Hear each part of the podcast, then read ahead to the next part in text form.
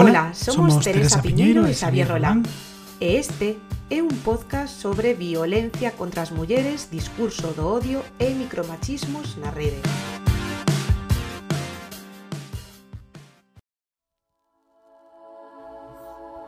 Hola, este é un episodio un chisco especial desta segunda tempada de micromachismos, porque estricto senso non se trata dun podcast, Este episodio recolle o audio dun webinar eh, que se celebrou mm, no marco do Congreso Internacional Latina de Comunicación Social, un webinar eh, chamado Género, Comunicación e Nuevas Tecnologías, que ademais de tratar temas moi interesantes, moi necesarios, desde mm, perspectivas moi amplas, o que serve tamén é para que lle poñades voz a algunhas das investigadoras que forman parte do, do proxecto, como a doutora Almudena Barrientos Baez, que foi a coordinadora do propio mm, webinar, ou as doutoras Graciela Padilla Castillo, da Universidade Complutense de Madrid, e a doutora Laura Castro Souto, da Universidade da Coruña.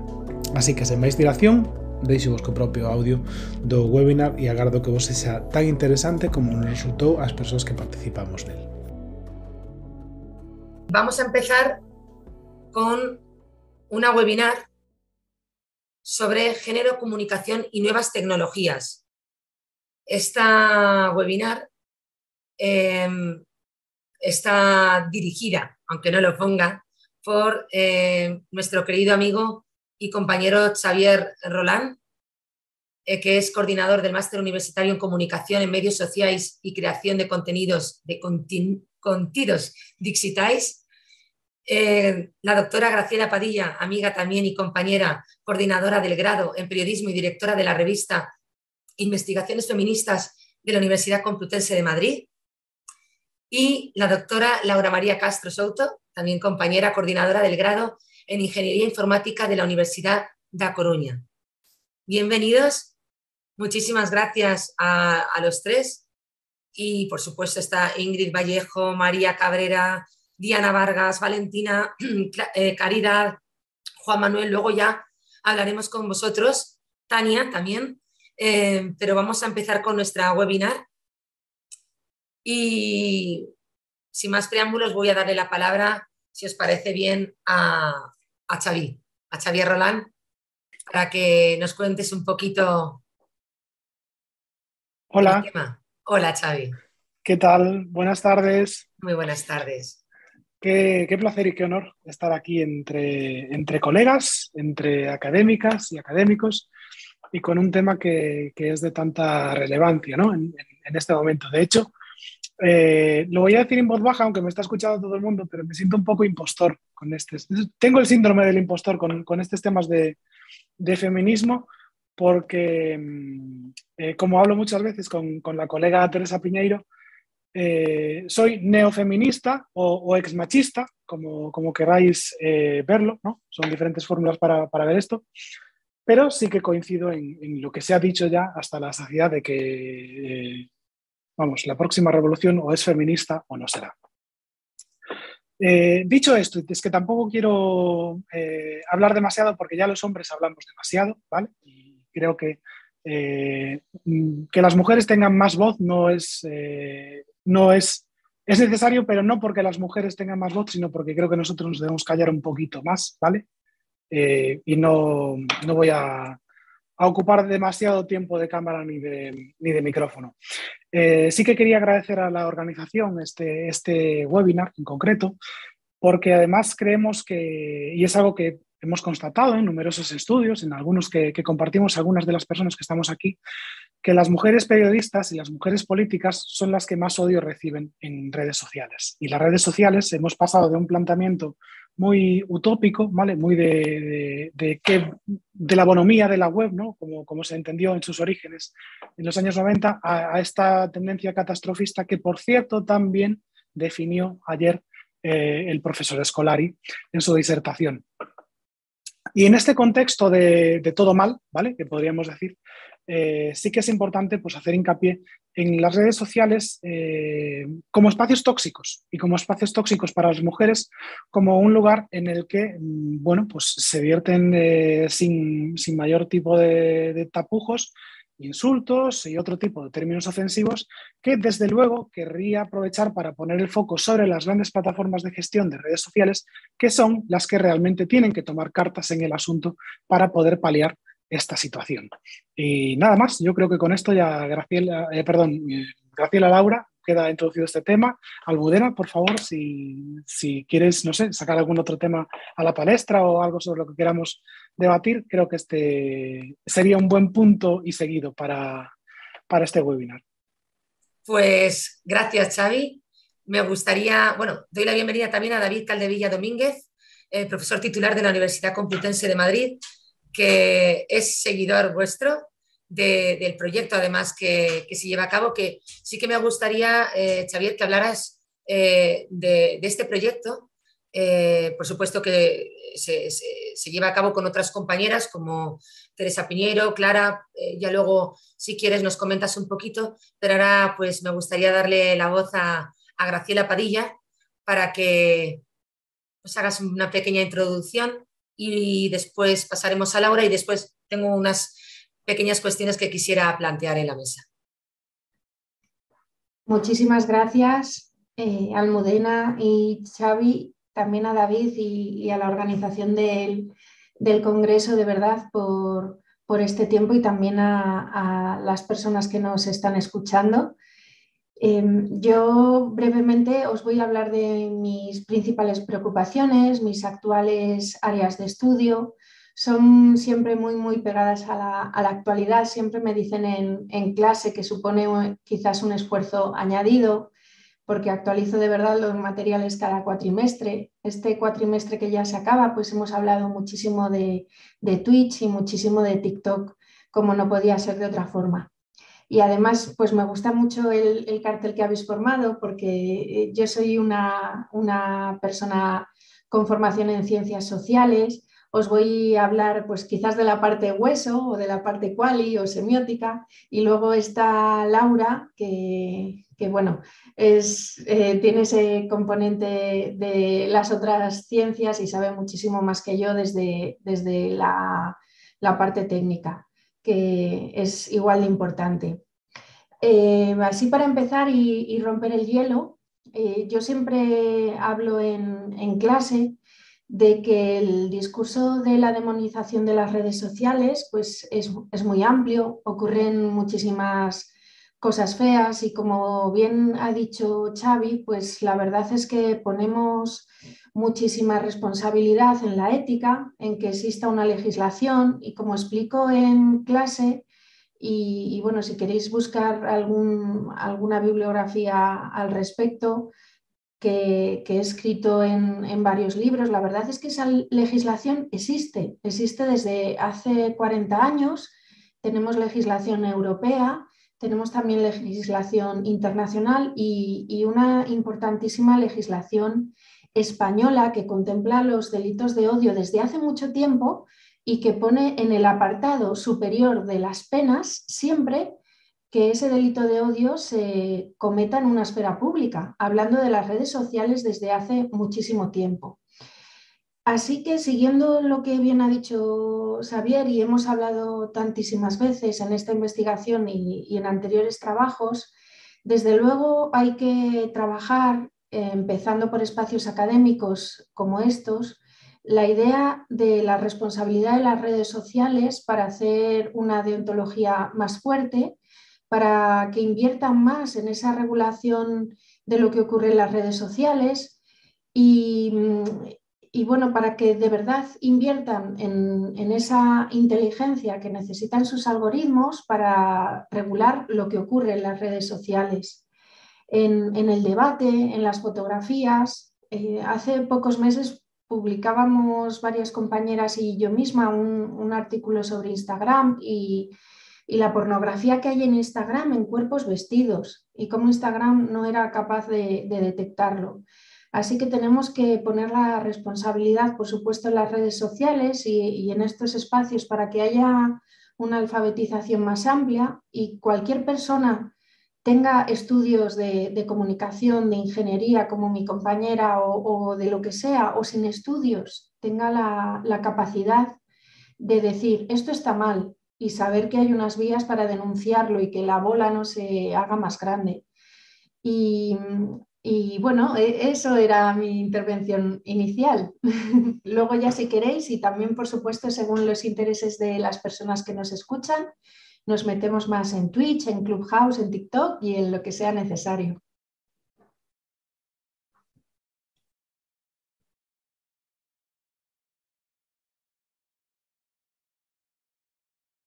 No se te oye, Almudena. Vale, vale, no te preocupes.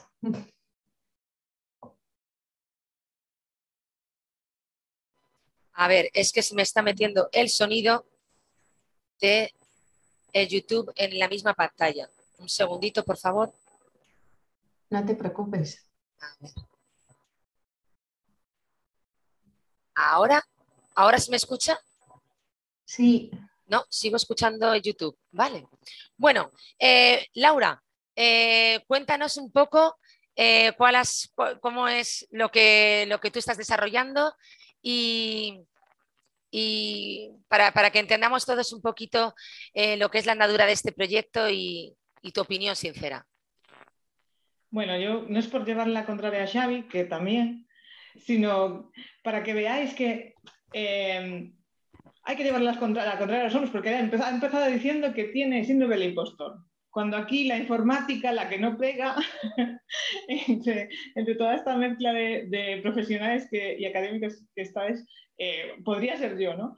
Pero precisamente esa, ausencia, ese, el no pegar o el no estar en los sitios donde se supone que tenemos que estar, eh, desde el punto de vista de la tecnología, yo creo que es eh, gran parte del origen de, no voy a decir los males, pero sí las carencias que tenemos, que no son técnicas desde mi lado, desde el mundo de la tecnología, sé que eh, la tecnología, las carencias que tiene no son porque no se pueda, sino porque nadie ha decidido que se deba. Y ese, poder de decisión, hasta ahora, solo, bueno, ha estado muy desconectada de la sociedad, por lo menos desde, desde la perspectiva del mundo de la tecnología. Em, y os voy a dar un dato que sirve para que quede ahí de pincelada y después podemos volver sobre él. Em, el retrato robot de alguien que desarrolla software a día de hoy, en 2021, pues se parece mucho más a Xavi que a mí. Es un hombre blanco que está pues alrededor de los 40, que tiene un determinado estatus académico, un determinado estatus social, ese perfil representa nada más y nada menos que el 70% de las personas que están construyendo el software que toda la humanidad, bueno, o la humanidad que tiene acceso a tecnología por lo menos, está usando desde que se despierta hasta que se duerme y muchas veces durante su sueño en los dispositivos que están en sus casas, en el software que está eh, pues, funcionando en las administraciones de, la ciudad en la que vive, del país en el que vive. Entonces, eh, bueno, es no es una excusa, es una explicación y es eh, bueno, pues, un punto para que entendamos que, no puede ser así, que, toda la sociedad, dada la preeminencia que, ha alcanzado la tecnología, dado que ese estatus de, universalidad y omnipresencia no va a cambiar, y bueno, tiene suficientes cosas buenas como para que no cambie, pero lo que no podemos seguir es desde el mundo de la tecnología, desarrollando la que a nosotros nos apetece, la que le apetece a ese retrato robot de persona y, como sociedad, pues eh, pensando que no podemos hacer nada para evitar que eso sea así. Eh, hay que establecer un canal de comunicación muy potente entre, esas, entre esos dos mundos para que dejemos de ver los algoritmos que necesitan más inteligencia y, bueno, muchas, muchas de, las cosas que no nos gustan de la tecnología a día de hoy mi parte en este proyecto pues, ha, sido un poco eh, favorecer eh, que, las cosas que se podían hacer con técnica y tecnología se hiciesen pues, automáticamente para que las personas nos podamos centrar en, la parte pues, más analítica que todavía no se puede automatizar. Y bueno, tampoco quiero monopolizar de momento, como presentación creo que, está bien, así que... Pues sí. muchas gracias, Laura. una pregunta.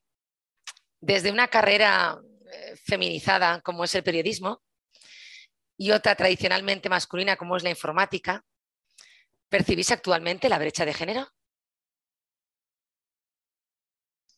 Vuelvo yo si quieres. Vale. La brecha de, género no solo se percibe, sino que cada día va mayor, o sea, va más. Por mucho que es cierto que en los últimos años, mm, un lustro, casi una década, se están haciendo muchos intentos, muchos esfuerzos. Eh, ya, ya, no tanto centrándonos en el mundo universitario, porque eh, lo que hemos visto es que, es que llegan muy pocas eh, mujeres a estudiar en, bueno, en, en, general ingeniería, pero en particular ingeniería informática, porque ha disminuido mucho el número de ellas que están en un bachillerato técnico. Entonces, eh, bueno, después de analizar eso, pues se ha visto que eh, los estereotipos, las em, fuerzas sociales que están afectando a, esos niños y niñas, porque centramos mucho en las niñas, pero me gustaría dejar el asterisco de, la desatención que estamos, eh, bueno, en la, que estamos dejando a los hombres y, las consecuencias que eso tiene. Entonces estamos como, bueno, pues ahora vamos a por las niñas, para romperles los mitos, para darles referentes. Bueno, eso por un lado es una carrera de fondo. Eh, que la necesitamos porque ya digo, los números van a peor, no es que estén mejorando, de momento no estamos viendo efectos de, esas, de, esos esfuerzos por mucho que sean necesarios, sino que además hay otra cosa de la que se habla muy poco, que es la expulsión de la profesión de las mujeres que ya son ingenieras y cómo lo tóxico de ya no solo el mundo de la tecnología para las usuarias, sino a veces el mundo de la tecnología para las personas que la construimos, también hace que incluso habiéndote dedicado a una profesión como esta, haya mujeres profesionales que llegan a un determinado momento de su vida que no pueden compatibilizar las exigencias del mundo laboral de la tecnología con otro tipo de vida, con la vida en general, y, también las perdemos en ese, en ese momento. Es algo de lo que se habla poco, pero a mí me gusta, o sea, me da miedo pensar por qué estamos trayendo o queriendo traer muchas niñas y muchas adolescentes y muchas jóvenes si ni siquiera somos capaces de mantener a las mujeres que ya están. Esas son un poco las dos reflexiones que quería lanzar al hilo de esa muy buena pregunta. Pues muchas gracias, Laura. Muchas gracias porque es, interesante y es necesario también tener claro esto, esto que comentas. ¿no? Eh, Graciela, eh, ¿consideras que es esencial la inclusión de la perspectiva de género en las titulaciones que coordináis? Eh, tanto tú como Xavi, ¿qué opináis sobre esto y por qué? Bueno, personalmente eh, estoy en una facultad donde existe una asignatura optativa de comunicación y género que imparten algunas compañeras. Estamos debatiendo, intentando que, pasara de, ser optativa a, a, ser obligatoria, pero bueno, es, es difícil. Y y la verdad es que siempre las, experiencias de los estudiantes, sean del sexo que sean, eh, son muy, muy gratas porque eh, estas reflexiones, este esfuerzo por mirar las cosas de, otra forma, salir de, nuestra zona de confort o de los mitos o los estereotipos a los que estamos acostumbrados y que quizás son, son mínimos, pero los tenemos tan, tan absorbidos, pues la verdad es que en, esta asignatura se, han despertado eh, muchas opiniones y, muchas ideas feministas que esas personas antes no sabían que, tenían. Hay que remarcar también que en el caso de, de mi facultad, bueno, el grado en periodismo, que es el que coordino actualmente, tiene el, último número que saqué eran 2.750 estudiantes y más del 70% son, son mujeres. Eh, justo a la vez, ayer hablábamos en clase y les explicaba las diferencias entre la audiencia tradicional, los audímetros y la audiencia social y me preguntaban mis alumnos y mis alumnas, pero Graciela, ¿cómo le siguen dando tanta importancia al audímetro si no hay más de 5.000 audímetros en, España? Y les explicaba algo que ya ha explicado muy bien mi, compañera. Eh, hay un, un salto o una brecha de género y también generacional. ¿Esto qué quiere decir? Que los altos mandos en las televisiones y en las marcas que se quieren anunciar eh, pues además de ser normalmente varones, son gente muy mayor, así que se juntan muchísimas brechas y, claro, la visión que tienen sobre la publicidad sobre la lectura de las audiencias y, por supuesto, también eh, la desatención a ese diálogo social, pues es, muy, muy, muy llamativo. Y, bueno, eh, desde luego creo que, es interesante mirar las cosas de, otra forma, e intentar, eh, mucho antes de derribar cualquier mito, salir de preguntarse por qué, mirarlo de, otra forma. Y, bueno, lo comentaba muy bien Laura también, eh, aunque mm, tengamos en nuestra facultad, y veo entre los presentes algún profesor, algún compañero al que me alegra saludar, como el profesor Mayoral, pues eh, al principio, al principio yo creo que los estudiantes no, tienen esa brecha de género, porque la ilusión, la vocación, las ganas, el tiempo es, es el mismo pero efectivamente llega un momento en el que los cuidados de cualquier tipo, sea de mayores, sea de niños, recaen todavía sobre nosotras. Yo lo he vivido esta misma semana y, bueno, claro, ahí se produce la brecha de género y además la brecha generacional. Eh, Disculpa, Graciela, pero, pero ¿cuál, es, ¿cuál es la solución? Por ejemplo, esto que acabas de comentar, ¿no? ¿Y, cómo, qué solución se puede, se puede tomar? ¿No? Es que no. Pues lo, primero, que haya muchísima más formación mm, almudena, que haya espacios como estos donde los estudiantes varones y, las estudiantes mujeres se den cuenta de, estas cosas o, simplemente por lo menos que, que, lo quieran mirar, eh, por ejemplo, en, las redes sociales, lo decía al principio, en determinados debates, determinadas cuestiones, no estoy hablando del insulto deliberado y directo, sino muchísimas otras formas peligrosas de, odio que pasamos por alto y que normalizamos. Entonces, eh, se puede empezar por ahí. No, no hay que llegar siempre a la universidad para despertar conciencias eh, violetas. Se puede hacer muchísimo, muchísimo antes, vamos. Me gusta lo de la conciencia violeta. Gracias, Graciela. Xavi, desde la coordinación eh, en tu universidad, en tu facultad, ¿cómo, ves este tema? Bueno, la verdad es que eh, coincido bastante en lo que ha planteado Graciela, porque también es cierto que mm, se trata de un máster con una vertiente profesionalizante, pero sí forma parte de la rama de, las ciencias sociales. ¿no? Y sí que es cierto que cada vez eh, tenemos más, más alumnas. Yo incluso, Graciela, te diría que nuestra proporción puede llegar a superar ¿eh? ese porcentaje. De hecho, el año pasado, eh, si mal no recuerdo, eran un 95% mujeres. ¿Vale? Para que te hagas una idea de, de, hasta, cuánto puede, hasta cuánto puede oscilar. Y sí que es cierto que son las alumnas que son las trabajadoras del mañana, que digo mañana, ya del presente. Sin embargo, los puestos de dirección, los puestos de responsabilidad siguen estando ocupados por gente como yo, blanco, caucásico, hombre, 40 eh, años, algo, algo menos, ¿eh? no tengo aún los 40, por favor, dejadme vivir con los 30, eh, pero sí, yo estoy en el lado, además que vivo en el lado bueno del mundo. Y creo que eso es, también parte de lo que hay que, de lo que, hay que, romper.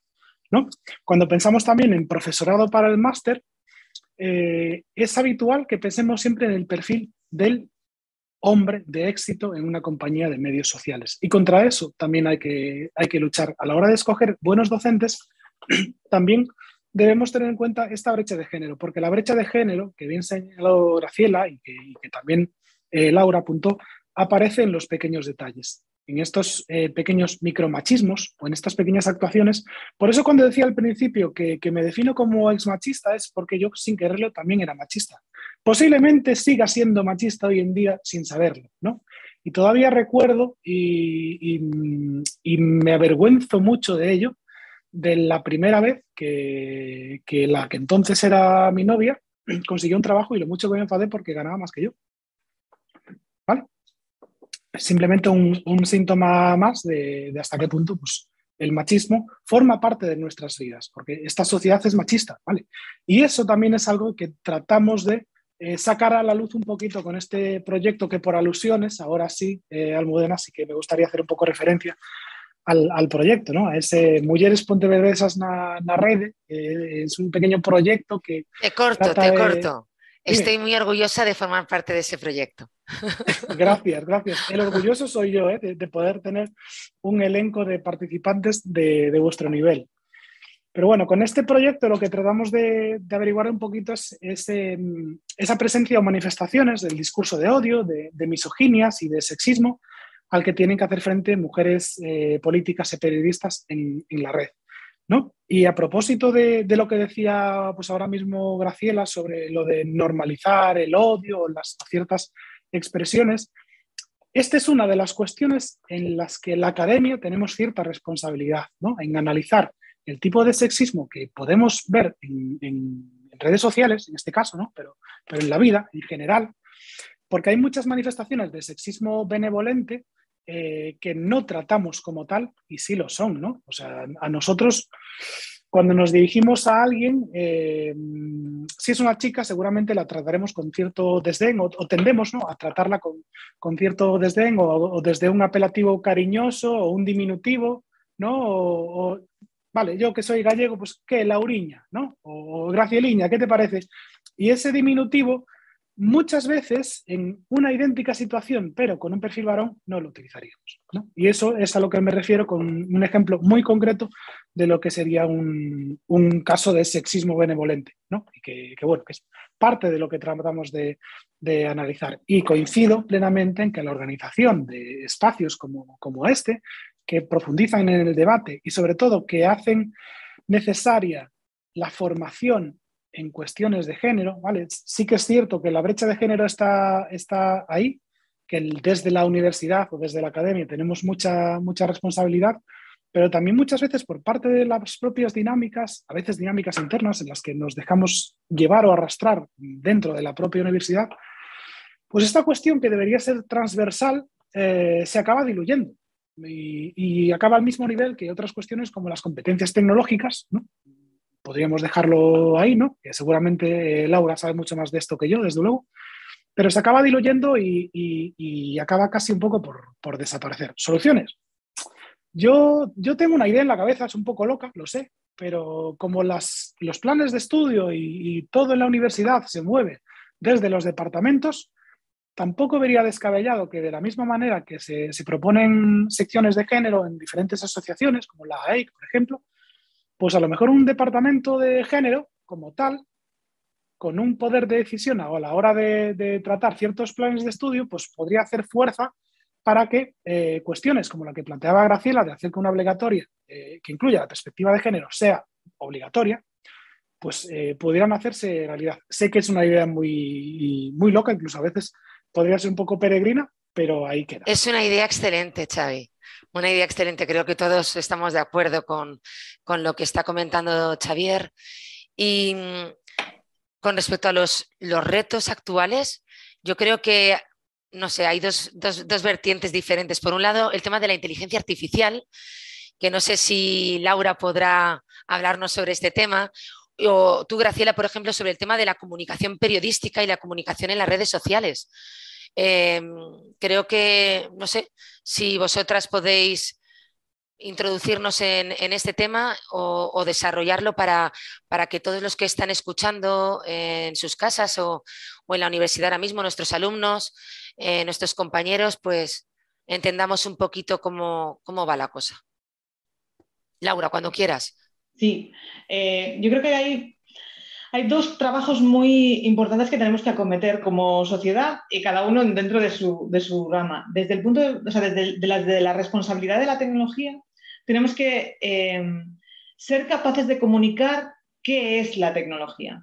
En este caso, centrándonos en la inteligencia artificial, necesitamos ser capaces de contarle a la sociedad de manera que lo entienda todo el mundo. Y cuando digo todo el mundo, pues es, si estoy hablando con una clase de niños y niñas de 4, 5, 6 años, tengo que ser capaz de que me entiendan, pero si estoy hablando con un grupo de jubilados en el parque, también debería ser capaz eh, de que me entiendan. Porque unos u otros en algún momento de su vida son los que van a usar o los que pretendemos que usen los sistemas que construimos.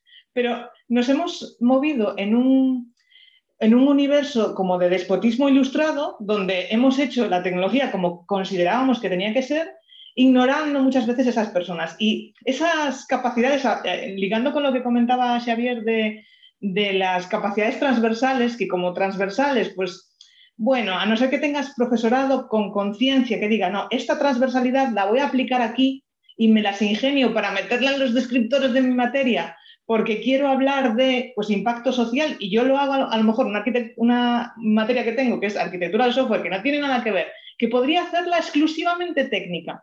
Pero como coordinadora del título sé que hay muy pocos sitios en, los cuatro años que pasan aquí donde alguien se siente con ellos a decir, bueno, ¿cómo impacta esto en las personas? ¿Qué preguntas tenemos que hacer antes de pensar qué funcionalidad quiero implementar? ¿Qué, ¿Qué, va a hacer mi sistema? No, tenemos que preguntar qué sistemas hacen falta. Y para poder preguntar eso, tenemos que ser capaces de explicar qué sabemos hacer. Eh, ahora mismo se habla muchísimo de los algoritmos de inteligencia artificial y para que os deis eh, cuenta de, la distopía un poco en la que vivimos, la palabra algoritmo y la palabra inteligencia artificial pertenecen a dos mundos diferentes de la, de la informática. Un algoritmo es una serie de pasos muy concretos en los que yo sé lo que quiero hacer en todo momento. La inteligencia artificial las múltiples técnicas que están dentro de esa, de esa cesta, de esa bolsa de inteligencia artificial, son soluciones para cuando precisamente no tenemos un algoritmo. Cuando yo no sé qué es lo que hay que hacer para, por ejemplo, eh, reconocer una, una, cara porque es una imagen muy compleja y no sé realmente qué es lo que diferencia a una cara de otra, entonces diseño un sistema, le enseño muchas caras y confío en que sea capaz de encontrar relaciones que yo no sé. Eso no es un algoritmo. Entonces, para que veáis lo mal que lo hemos hecho en, informática hasta ahora, que todo el mundo habla de algoritmos de inteligencia artificial cuando eso es, algo... había un nombre que eh, aprendíamos en el instituto para cuando usas dos palabras que no pegan. Pues esa palabra. Entonces, eso por un lado. Y, eso es muestra, es una pequeña muestra, pero refleja muy bien eh, lo que decía, ¿no? Esa distancia que a día de hoy ya es insostenible. Si yo no soy capaz de explicarle a la gente que la inteligencia artificial sirve para eso y, por qué funciona de esa manera, ¿cómo voy a pretender eh, que me cuenten cuáles son sus problemas? lo que está pasando es que estamos viendo los problemas de manera catastrófica cuando el sistema ya está hecho, cuando el sistema ya está implementado, cuando está funcionando y ese sistema que tenía que reconocer caras no reconoce las caras de las personas mayores, no reconoce las caras de las personas negras no reconoce caras que no les hemos enseñado, porque no había nadie en el equipo que fuera negro, no había nadie en el equipo que pensase que lo podía usar su abuela. Eh, entonces, Laura, Laura, falla la formación, ¿no? fallan tantísimas cosas, pero en particular a mí lo que más me parece que falla es formar a nuestros alumnos en el mundo de la tecnología de espaldas a la sociedad nos centramos tanto en la tecnología y en que aprendan eh, esa parte tecnológica que nos hemos olvidado de decirles que tienen que mirar a la sociedad, que la tecnología no tiene sentido si no sirve a la sociedad. Pues, rotundo y claro, rotundo y claro. Javi, Javi Mayoral, si quieres comentar algo, si queréis comentar algo los que estáis ahora aquí con nosotros, eh, directamente cortáis y, habláis. O sea, no, no, no, no tenéis que levantar manita, no, no, no, no, quitáis micrófono y comentáis lo que deseéis, por favor. ¿De acuerdo? De acuerdo, muchísimas gracias. Estoy aprendiendo mucho, así que prefiero escuchar porque no, no tengo nada que decir, creo. vale, no, yo, yo igual estoy aquí escuchando y empapándome.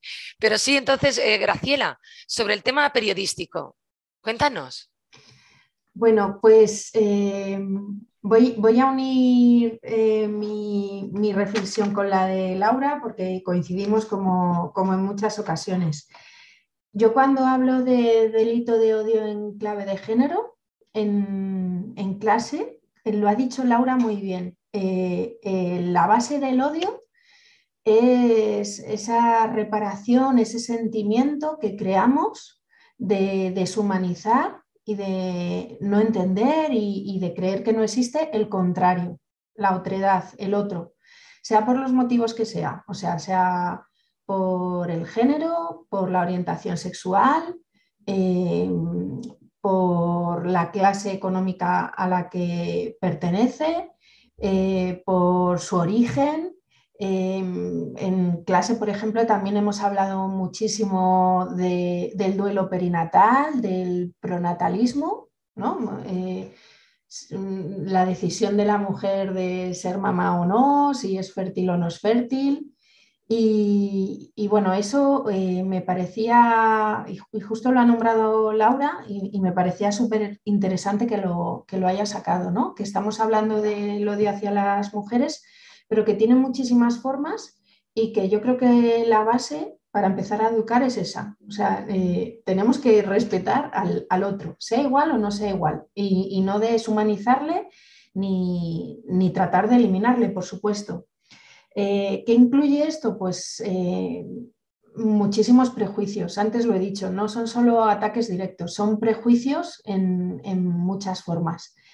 ¿Y, qué veo yo en las periodistas que hemos visto también en, esta investigación? Bueno, pues eh, para empezar que muchísimas mujeres tienen en las redes sociales la visibilidad que quizás no tienen en los medios tradicionales. Eh, luego también, por supuesto, la que triunfa es atacada directamente. Si triunfa y además es guapa, pues eh, más razones para atacarla. Y ya no os digo si, se ha pronunciado eh, como que es lesbiana, bisexual o que no quiere ser madre. Ahí ya, bueno, se, se, puede retirar. También ha salido en algún momento, y, lo he nombrado al principio, el problema de la, impunidad en las redes sociales. Eh, aquí no te corta nadie. Eh, antes lo comparaban con ir a un partido de fútbol y desfogarse y ponerse a decir palabrotas. Vamos, me parece que desafortunadamente está muy lejos la desinhibición en las redes sociales de lo que puede decir alguien en un partido de fútbol porque bueno, ese, anonimato, esa distancia, pues eh, no sé, saca, lo peor de, cada uno. Y creo que también eh, tenemos que reseñar otra vez el, papel de los testigos, de, la gente que mira y, que no dice nada. Y, bueno, pensando en comunicación, en, profesionales, eh, en el odio que reciben, eh, este cuatrimestre en clase sacamos un, dato al respecto que nos llamó la atención porque antes eh, lo ha dicho Laura muy bien, eh, hay estrategias y hay herramientas para que las redes sociales moderen el, debate. Pues justo en este aspecto, TikTok, intentando separarse de todas las redes sociales, ha compartido datos sobre los vídeos que censura. Según TikTok, en 2020 censuró el 2,3% de todos los vídeos que se habían subido y presumía frente a otras redes sociales de que el 67% de esos vídeos los había censurado directamente TikTok y en las primeras 24 horas y que el 20% restante se había censurado en los tres días siguientes y ahí sí los había censurado la comunidad. Es decir, algún usuario lo había visto y TikTok lo había censurado. Eh, ¿Por qué cuento esto? Pues eh, es que mm, muchísimas veces eh, ni el público, como decía antes, sabe lo que es censurable y, también muchísimas veces la, persona que recibe ese acoso a veces también lo, normalizan o, también se, hartan de recibirlo, se mm, retiran de las redes sociales, que a mí esto me, parece muy, muy peligroso. La vía no es retirarse de las redes sociales. Por ejemplo, la semana pasada una marca de cosmética natural muy, no sé si se puede decir el nombre o no. Mejor no, mejor no. pues se retiraba de las redes sociales eh, porque quería pensar en mejorar la salud mental de, la gente que usa esas redes sociales, sean sus seguidores o no. No, no me parece la salida. Y, lo que tienen que hacer los medios de comunicación es visibilizar esos ataques que reciben esas profesionales en las redes sociales y que no se quede solo en las redes sociales, que no es un mundo aparte, que es que son redes con muchísimos más espectadores y usuarios de los que hay en, los medios tradicionales. Cierto, cierto, Graciela. Mira, eh, comentan eh, Enrique, un desafío importante es conseguir comunicar la necesidad de una mayor diversificación social y de la educación sin antagonizar a un subgrupo de indecisos que seguramente es silencioso. ¿Qué se puede decir a esto? Xavier. Ay, la espiral del silencio de Noel Neumann, ¿no? Pues puede ser. O, la mayoría silenciosa, ¿no? Eh, mira, este webinar es que se queda corto. Se queda corto porque habéis destapado tal cantidad de melones y de asuntos que deberíamos abordar con, más pausa, con, más debate e incluso de una forma eh, plural y mucho más masiva, ¿no? Eh, con algunas cosas de las que habéis comentado estoy de acuerdo, con otras no tanto. Por ejemplo, eh, yo es por polemizar un poquito, ¿eh, Sí, sí, sí, sí. Ya, me, conoces que. Y voy a abrir más, voy a abrir más melones, ¿eh? No estoy tan de acuerdo con que los medios deban visibilizar ciertos problemas, porque muchas veces la visibilidad que hacen los medios de ciertos problemas lo que acaba es dando más visibilidad al problema en sí y creando eh, una cámara de eco más grande para que la gente que está polarizada actúe sobre, sobre un tema. Se me ocurren muchos, muchos temas, ¿no? Ahora mismo solo puedo pensar en un ámbito muy local gallego, en una sentencia judicial en la que eh, la jueza le quitaba la, custodia a la madre porque se llevó a la niña a la Galicia profunda y eso provocó la indignación de, todos los gallegos porque, claro, no podíamos comparar un pueblo de, la costa gallega con Marbella, que es un pueblo de la costa andaluza, por cierto. No, y, pero eso lo que hizo fue generar todavía más debate, más polarización y, muchas veces vemos discurso de, odio que, es discurso de odio y a veces no, sabemos lo que son, porque muchas veces por reforzar ciertos, eh, ciertas pertenencias a algún grupo, eh, realmente lo que estamos haciendo es atacando a, otro, ¿no?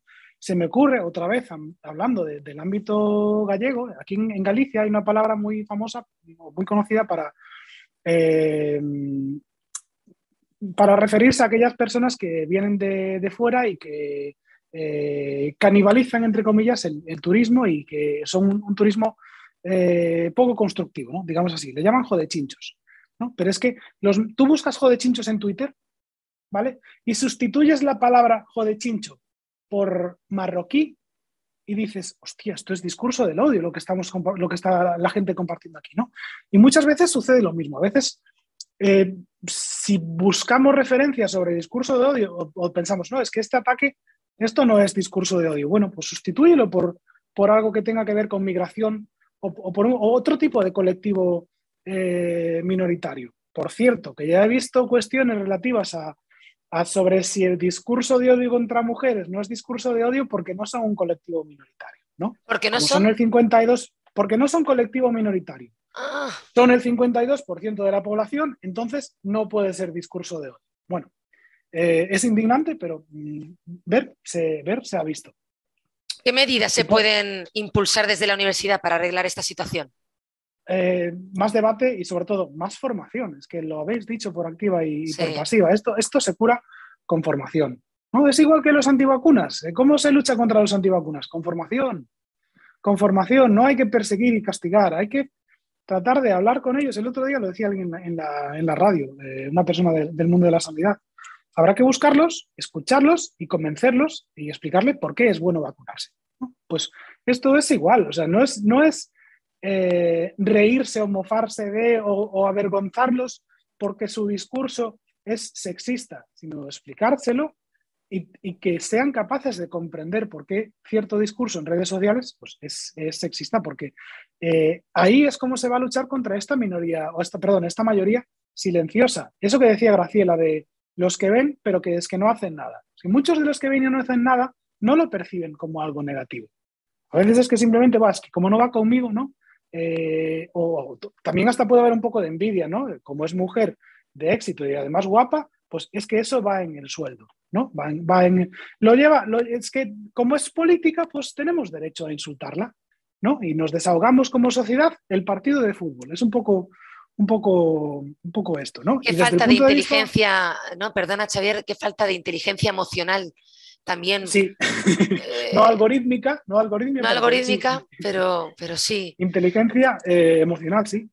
Y hablaba, hablaba antes Laura de, los algoritmos, de, los creadores de tecnología y de cómo a la forma de crear la tecnología se introducen los sesgos. Se reproducen los estereotipos, los arquetipos, los sesgos que llevamos como personas. La inteligencia es artificial, pero sigue siendo humana. Es decir, no, no son máquinas que crean inteligencia para máquinas.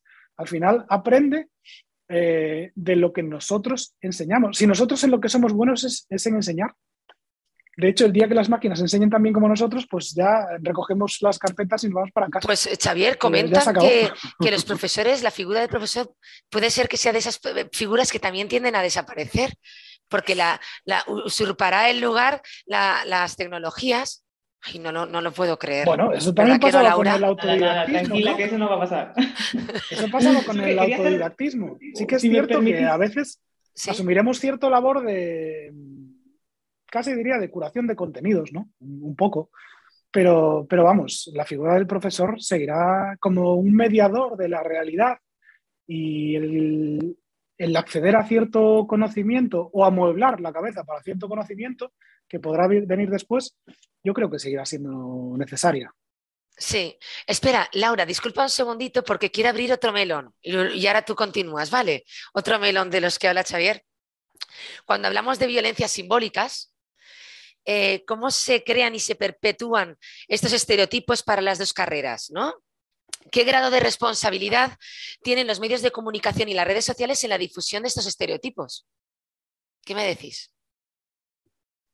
desde la informática nos hemos, hemos encontrado un chivo expiatorio perfecto para decir, ay, que no, que es el, tema recurrente de cómo se muestran las personas, bueno, los informáticos en las series de televisión y en las películas, ¿no? Es como, bueno, es el mantra. Sí, es que, claro, las mujeres no estudian informática porque en las películas siempre está allí en su laboratorio oscuro, sin ventanas y además son personas que no tienen eh, habilidades sociales.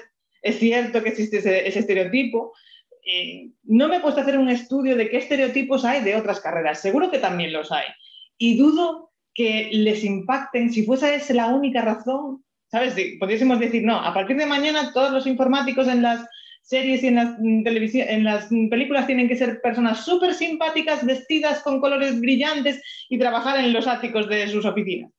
Eso no, es, o sea, puede ser un factor, pero yo creo que hay muchos más y agarrarse a eso es un poco como la posición cómoda el apunte que quería hacer, eh, volviendo atrás un momento nada más, en relación a eh, cómo las decisiones que tomamos en tecnología nunca son neutras, ¿no? Hablando del discurso del odio, cómo pararlo, cómo animar a la minoría silenciosa a eh, dejar de ser silenciosa. Podéis buscar, y os animo a que lo hagáis en las diferentes redes sociales que uséis, cómo de fácil es decir que algo nos gusta o algo no nos gusta, frente a cómo de fácil es encontrar el sitio donde, hay que denunciar un, contenido, que ya solo la terminología que se usa, ¿vale? Hablamos de denunciar, hablamos de censurar, ¿por qué no hablamos de proteger a la comunidad? Es que solo hasta el lenguaje que se usa, ya no solo dónde ponemos la opción, cómo de oscura la hacemos, y aquí de nuevo hay que enlazar, no olvidemos que las redes sociales son empresas, que, que su negocio vive de que estemos ahí, y de las razones que nos hacen estar ahí, que normalmente son pues, contenidos que nos, que nos mueven por dentro y que nos animan a esa viralidad y, no a un, a un espacio sosegado. Entonces, mm, hay muchas, muchas ramificaciones, pero la que yo quería hacer en este momento es esa reflexión de que ninguna decisión, por pequeña que sea, es irrelevante. Todas tienen que ver y todas se, perciben y se, valoran suficientemente solo si somos capaces de hacer esa transferencia transversal de cómo eh, cada una de nuestras actividades impacta a la sociedad. Y salvando un poco, o sea, como comentaba Xavi, el papel del profesorado, en este caso del profesorado universitario, yo creo que va a ir mucho en esa línea, en entender los puentes y quizás él lanzaba una idea peregrina antes, yo voy a lanzar otra. A mí me gustaría una universidad dentro de décadas donde no estuviésemos aislados en diferentes edificios, donde los, estudiantes de diferentes carreras trabajasen juntos. Porque vivimos juntos en la sociedad, pero para formarnos nos aislamos completamente unos de otros. Es una, una, muy buena opción y además creo que en Estados Unidos, en alguna universidad, ya están, se adelantan a nosotros. Eh, el proyecto, sí, sí, yo he leído también alguna iniciativa. La sigo con, con interés porque me parece una idea brillante. Ojalá se convierta en la nueva norma. Totalmente. Pero bueno, Laura, gracias a momentos como este, eh, a lo mejor alguien nos está escuchando que tiene un poquito de poder o, y, se propone, porque, porque el crear sinergias con, otras, eh, con otros grados que sean eh, yo creo que enriquecería muchísimo a nivel formación y además tanto al profesorado como, como al alumnado. Em, ya, porque es que se nos va el tiempo muy, muy rápido y, están comentando cosas interesantes. Mira, ahora, por ejemplo, leo en el chat eh, Alba María Martínez Sala, una, crack también eh, de la Universidad de Alicante, una, buena amiga, em, comenta que está totalmente de acuerdo con el hecho de que existe em, una resistencia cuasi nacionalista a abandonar las propias ideas. Se ve como una derrota inaceptable y, les preocupa seriamente que convencer deje de ser posible. Me parece una frase bonita. Comenta también Enrique, dice, un desafío importante es conseguir comunicar la necesidad de una mayor diversificación social y de la educación, sin antagonizar a un subgrupo de indecisos que es seguramente silencioso. Este es el tema que habíamos leído antes y que, eh, vuelven a, comentar en el chat que, es así y que la tendencia a la especialización ocurre en todas las carreras. Claro, la especialización, pero no significa que nos atemos a una sola cosa, porque entonces no nos enriquecemos, ¿no?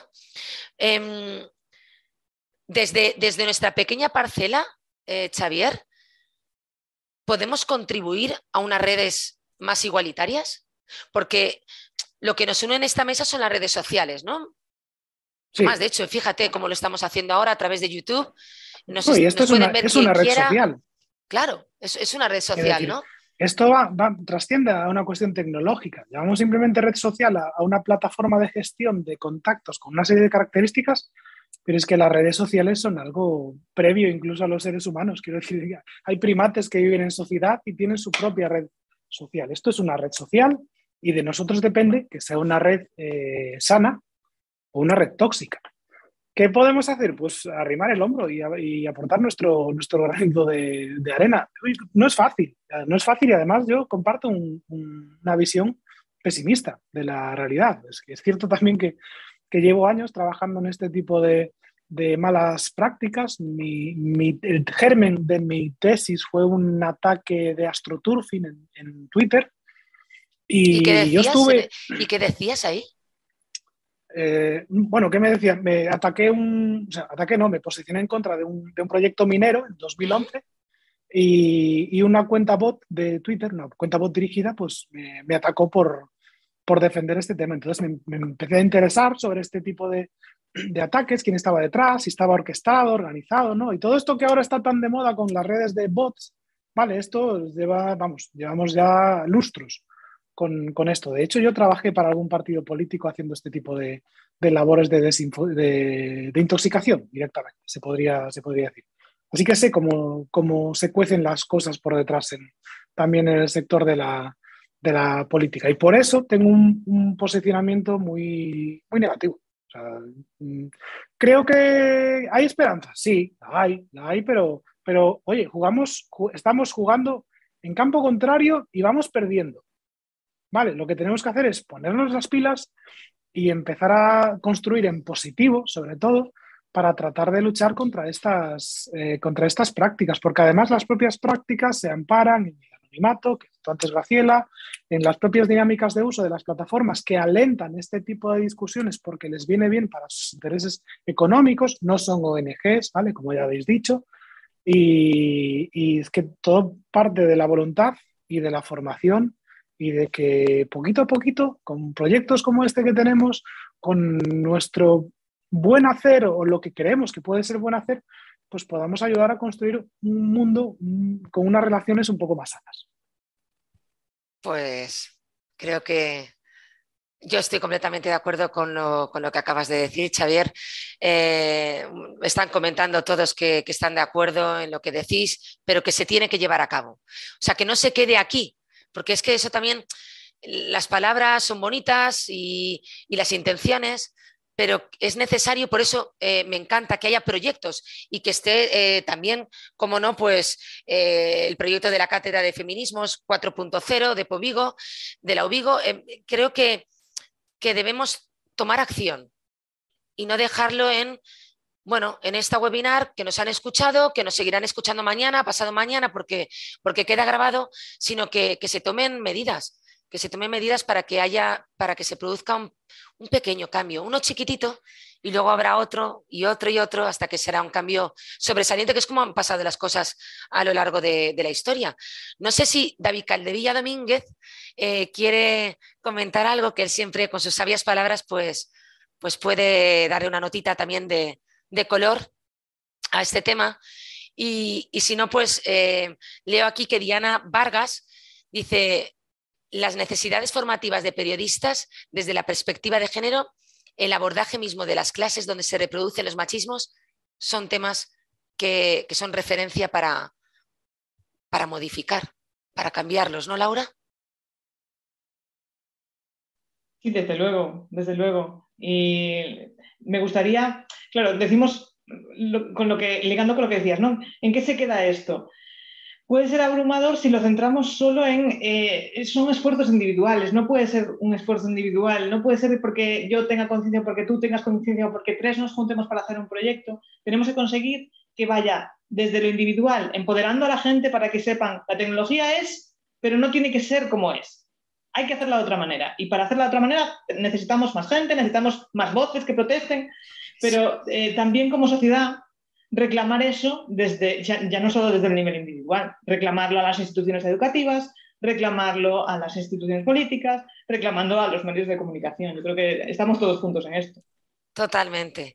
Pues yo creo que tenemos que dar por finalizada nuestra webinar porque nos quedamos sin tiempo y tenemos que dar paso a las mesas del Congreso y a los diferentes ponentes que van a, defender su investigación o análisis de un tema concreto. Xavier Martínez Rolán, muchísimas gracias por todo, por estar aquí, que sé que vais muy apretados. Laura María Castro, muchísimas gracias por tu conocimiento, eh, tu sabiduría y tus buenas palabras. Y por supuesto, querida Graciela, sé que vas también muy justita de tiempo. Cuídate mucho, gracias por todo. Eh, os emplazo a que quizá podamos vernos en otro congreso próximamente. Eh, ya os pasaremos la, invitación y a ver si la agarráis para, poder acompañarnos nuevamente y, seguir formándonos, mejorando y siendo cada vez mejores personas eh, sin distinguir a nadie por sexo, ni por color, ni cacáusico, ni negro, ni chino, ni blanco, da igual. Que estemos aquí en el mundo de la comunicación haciendo lo que más nos gusta, que es llevar mensajes bonitos y que den alegría y que den paz y que, y que nos hagan sentir bien a todos, no solo a unos pocos. Muchísimas gracias. Muchas gracias. Hasta luego. Este é un proxecto financiado pola Cátedra de Feminismos 4.0 da Deputación de Pontevedra e a Universidade de Vigo.